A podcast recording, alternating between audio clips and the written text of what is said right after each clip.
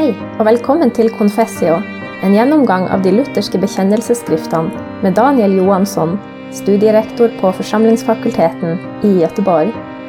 Podkasten er produsert av foross.no. Det är den 6 december idag och då passar det alldeles särskilt bra att gå igenom den 21 artikeln i den Augsburgska bekännelsen. För idag så är det världens mest populära helgonsdag.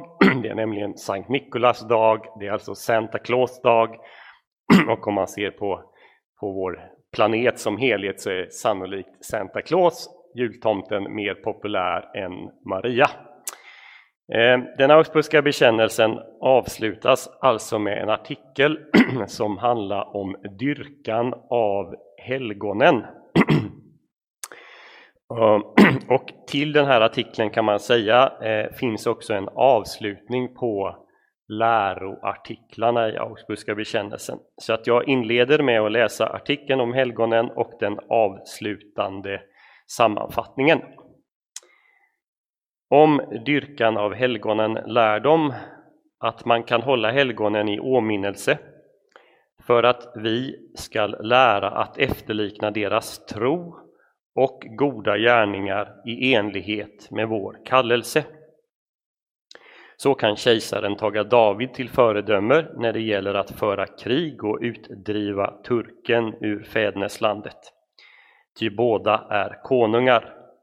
Men skriften lär icke att vi skall åkalla helgonen eller begära hjälp av dem, emedan den ställer fram för oss Kristus alena som medlare, försoningsmedel, överstepräst och förebedjare.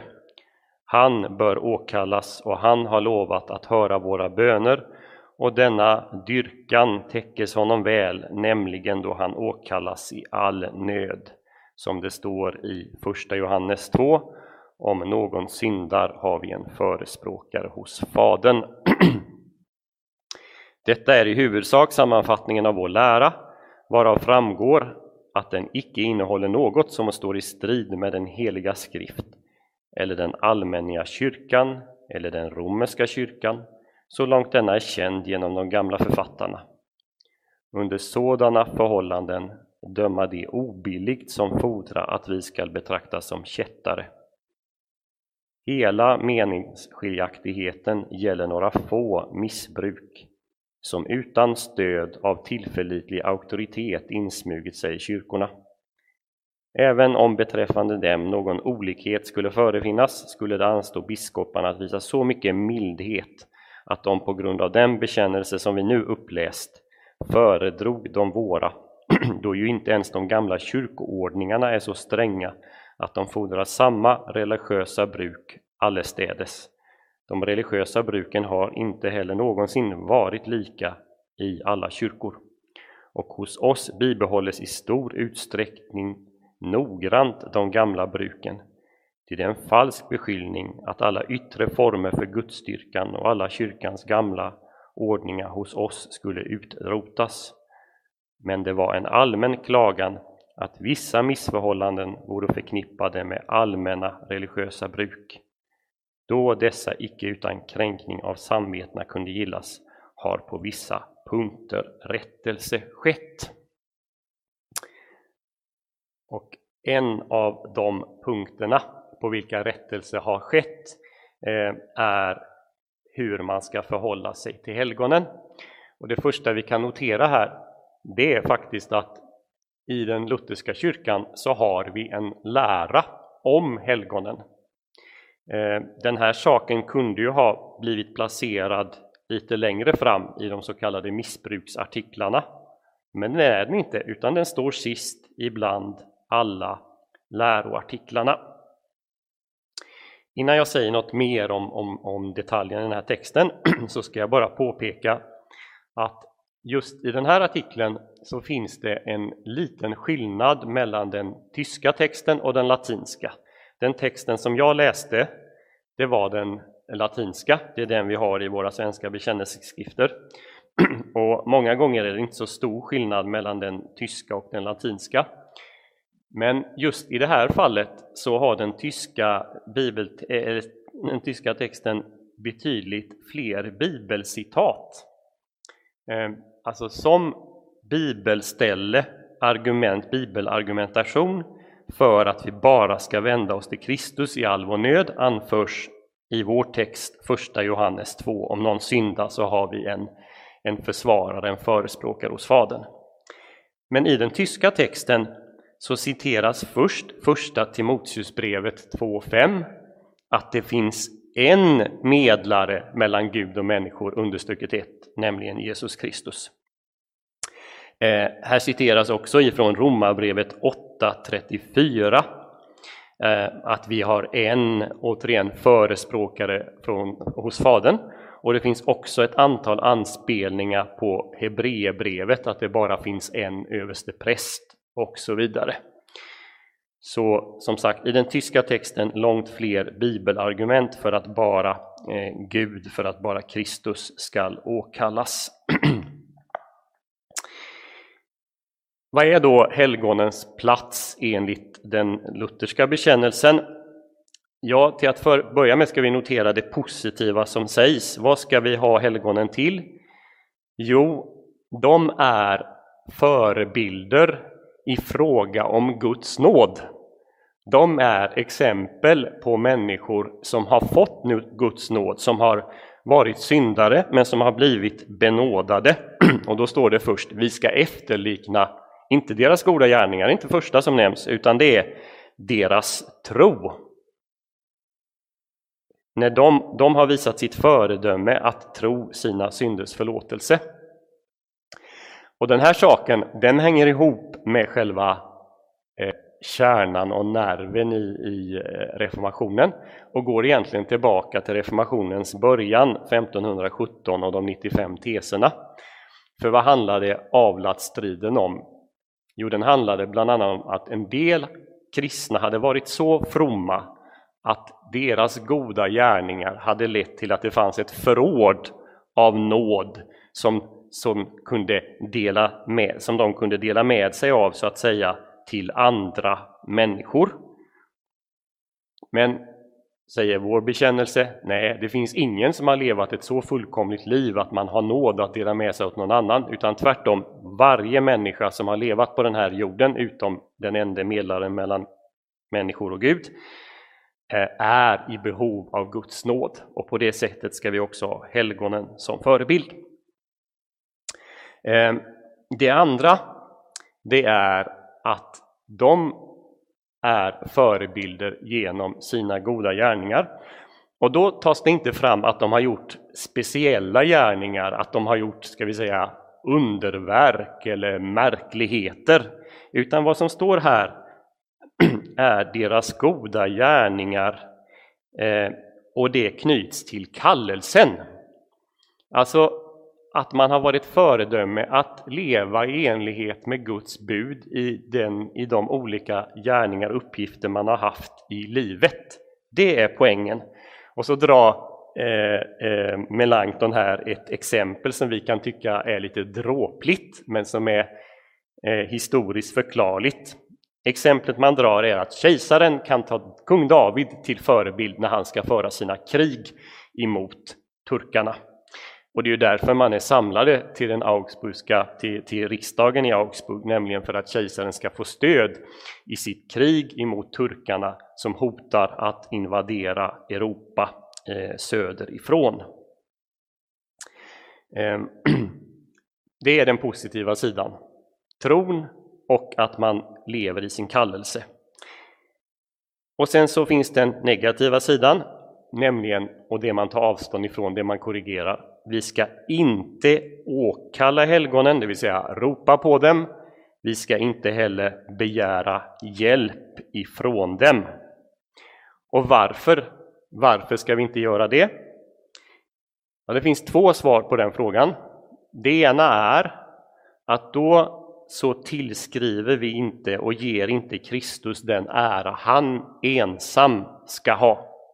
I vår text står det för Kristus ska ensam vara vår medlare, vårt försoningsmedel, vår överste präst och vår förebedjare.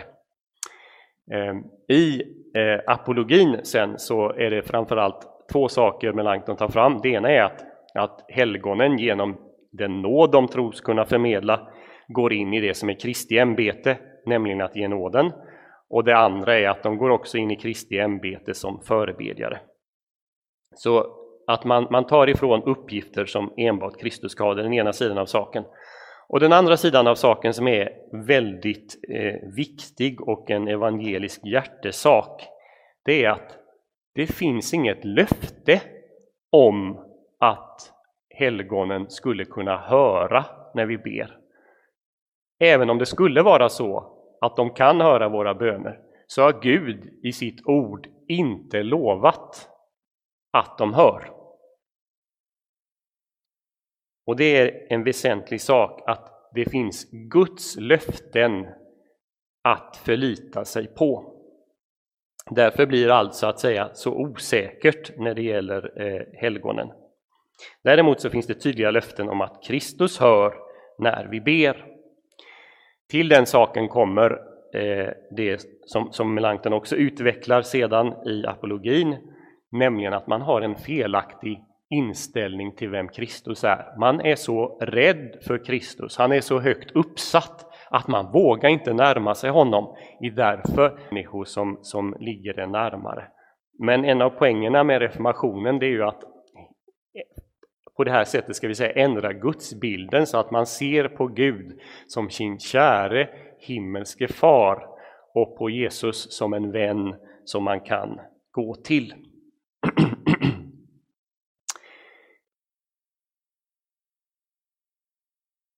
Eh, säga någonting mer om det som sägs senare i apologin, eh, därför att den här artikeln är den artikel som kanske får allra störst kritik ifrån de påvliga teologerna. Eh, här så uppmanar man de lutherske till att återgå till det gamla, att åkalla helgonen och så vidare, att återuppta deras fester. Eh, och så drar man fram att det här är kyrkans lära, man drar fram en lång rad citat från, från Eh, fäderna. Och inte minst tar man fram massa bibelställen som skulle påvisa den här saken. Eh, men innan vi gör det så något kort nu om avslutningen, sammanfattningen. Och då vill jag bara understryka det som jag har sagt några gånger sedan inledningen, nämligen att hjärtesaken här är att visa att man har inte avvikit ifrån den allmänliga kristna tron, utan tvärtom, så långt den är känd ifrån trosbekännelser och författarna i den gamla kyrkan och deras tolkning av skriften, så håller man sig till den. Det man är kritisk emot, det är att det har insmugit sig fel i kyrkan. Och då kan man väl möjligtvis notera att Melanchthon kommer kanske med en underdrift när han säger att det gäller några få missbruk som utan auktoritet har sökt sig in. För han har ju trots allt räknat upp ganska många och det kommer ytterligare fler eh, så småningom här. Eh, eh, det är den ena saken. Man vill visa att man håller fast vid ursprunget. Och egentligen är det så att man kritiserar det moderna. Det moderna är de här missbruken som har insmugit sig under de senaste 2, 3, 400 åren. De gör man upp med och så söker man sig tillbaka till rötterna. Eh, och är det nu så att det har uppstått lite olika ordningar för hur eh, saker och ting ska vara i kyrkan, det kan se olika ut i gudstjänsten, så hänvisar man till att så har det alltid varit. Det har varit okej okay att gudstjänstbruken har sett lite olika ut. Ehm, då ska jag också eh, säga någonting mer om Melanchtons argumentation i apologin. Ehm, den är ganska utförlig eh, och, och rätt intressant. Han ger en, eh, en enkel men ganska grundläggande genomgång av hur helgondyrkan historiskt har uppstått. Ehm, han säger att från början var det så att man lyfte fram vissa människor som hade varit föredömen i tron. Men så småningom så kom allt mer av villfarelse att smyga in. Och han noterar att här har man blivit påverkad av romerska hedniska seder och bruk. Så till exempel tanken att ett visst helgon är ansvarig för ett visst område och ett annat för ett annat. Det härrör, säger Melanchthon, från hedniska förebilder. Ehm, han ger några exempel här. Han menar man helgonet Anna skulle ge rikedom, Sebastian skulle avvända farsot, Valentin bota fallande sjuka och Georg en beskyddare av ryttare. Det är vidskepliga åsikter och härrör från hedniska förebilder.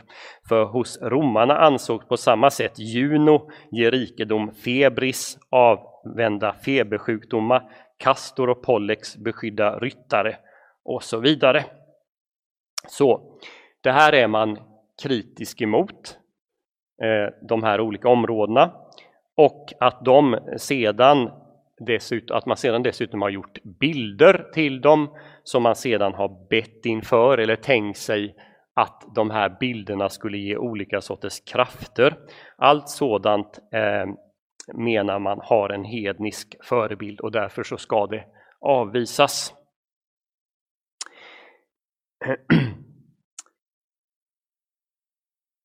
I Melanchtons argumentation emot åkallan av helgonen eh, så använder han också, eh, vilket är ganska intressant, Matteus 25 och liknelsen om de tio jungfrurna.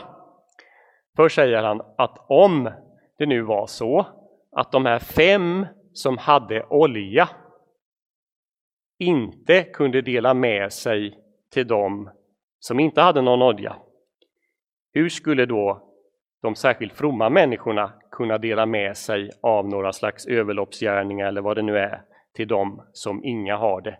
Det är avvisat även med Kristi liknelse, menar Melanchthon.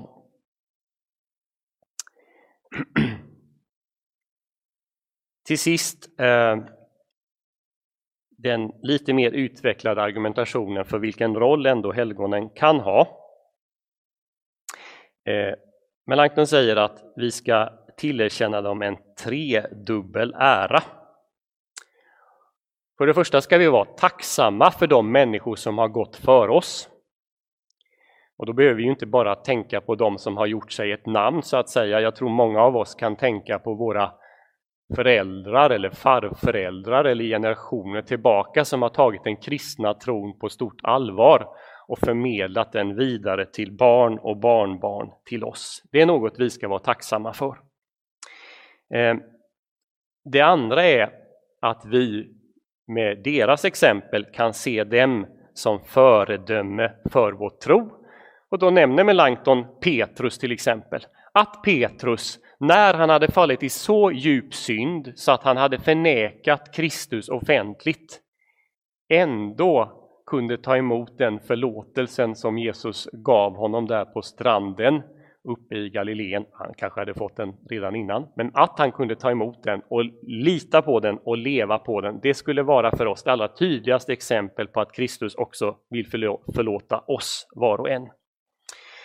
Och så den tredje saken i den här lite mer noggranna uppräkningen, det är då att, att vi skulle följa dem i deras dygder när det gäller att leva i vår kallelse.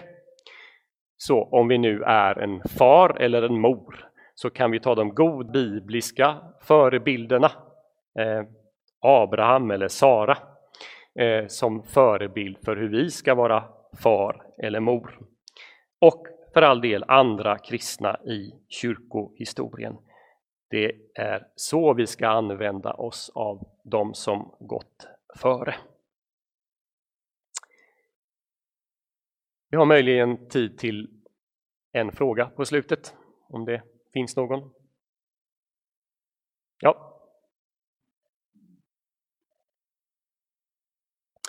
Finns det någon substantiell skillnad mellan den romerska kyrkans vördnad och när det nu här talar om avvisandet av deras åkallan och hjälp och så vidare. Nu vet jag inte vad, vad du menar med den romerska kyrkans vördnad, men eh, veneration. Alltså det som är en, en klar och tydlig sak som utsägs här, det är att vi inte ska be eller ropa till några helgon för att de i sin tur skall be för oss eller för att eh, eh, vi ska eh, eller för att de ska ingripa i våra liv. Och här i finns en, en, uppenbar och klar skillnad mellan hur den romerska kyrkan ser på helgonen och hur den lutherska kyrkan ser på dem. Den lutherska kyrkan säger nej till det som är uppmuntrat i den romerska kyrkan. Sen finns det en diskussion om, om vi nu skulle eh, hävda att, att liksom anropa eller, eller be eller åkalla ett helgon, om, om det skulle innebära att man också dyrkar dem, att det skulle vara avgudadyrkan. Och där ligger ju så att säga en skillnad att man menar att det man gör med en helgon är inte, det är något väsensskilt annat än det man gör när man riktar sin tillbedjan till Gud. Men den lutherska kyrkan har redan tagit avstånd ifrån det att man, att man ropar till något helgon eller ber Eh, eh, om ett helgons förbön. Därför att vi ska gå direkt till den treenige guden i våra böner. Det är det vi har löften om.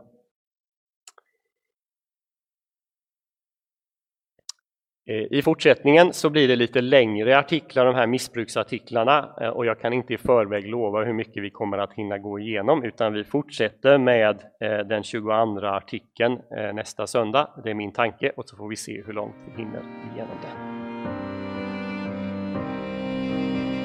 Tack för att du hörde på det här föredraget. Har du fått med dig podcasten om familjelivet? Du finner den på foross.no.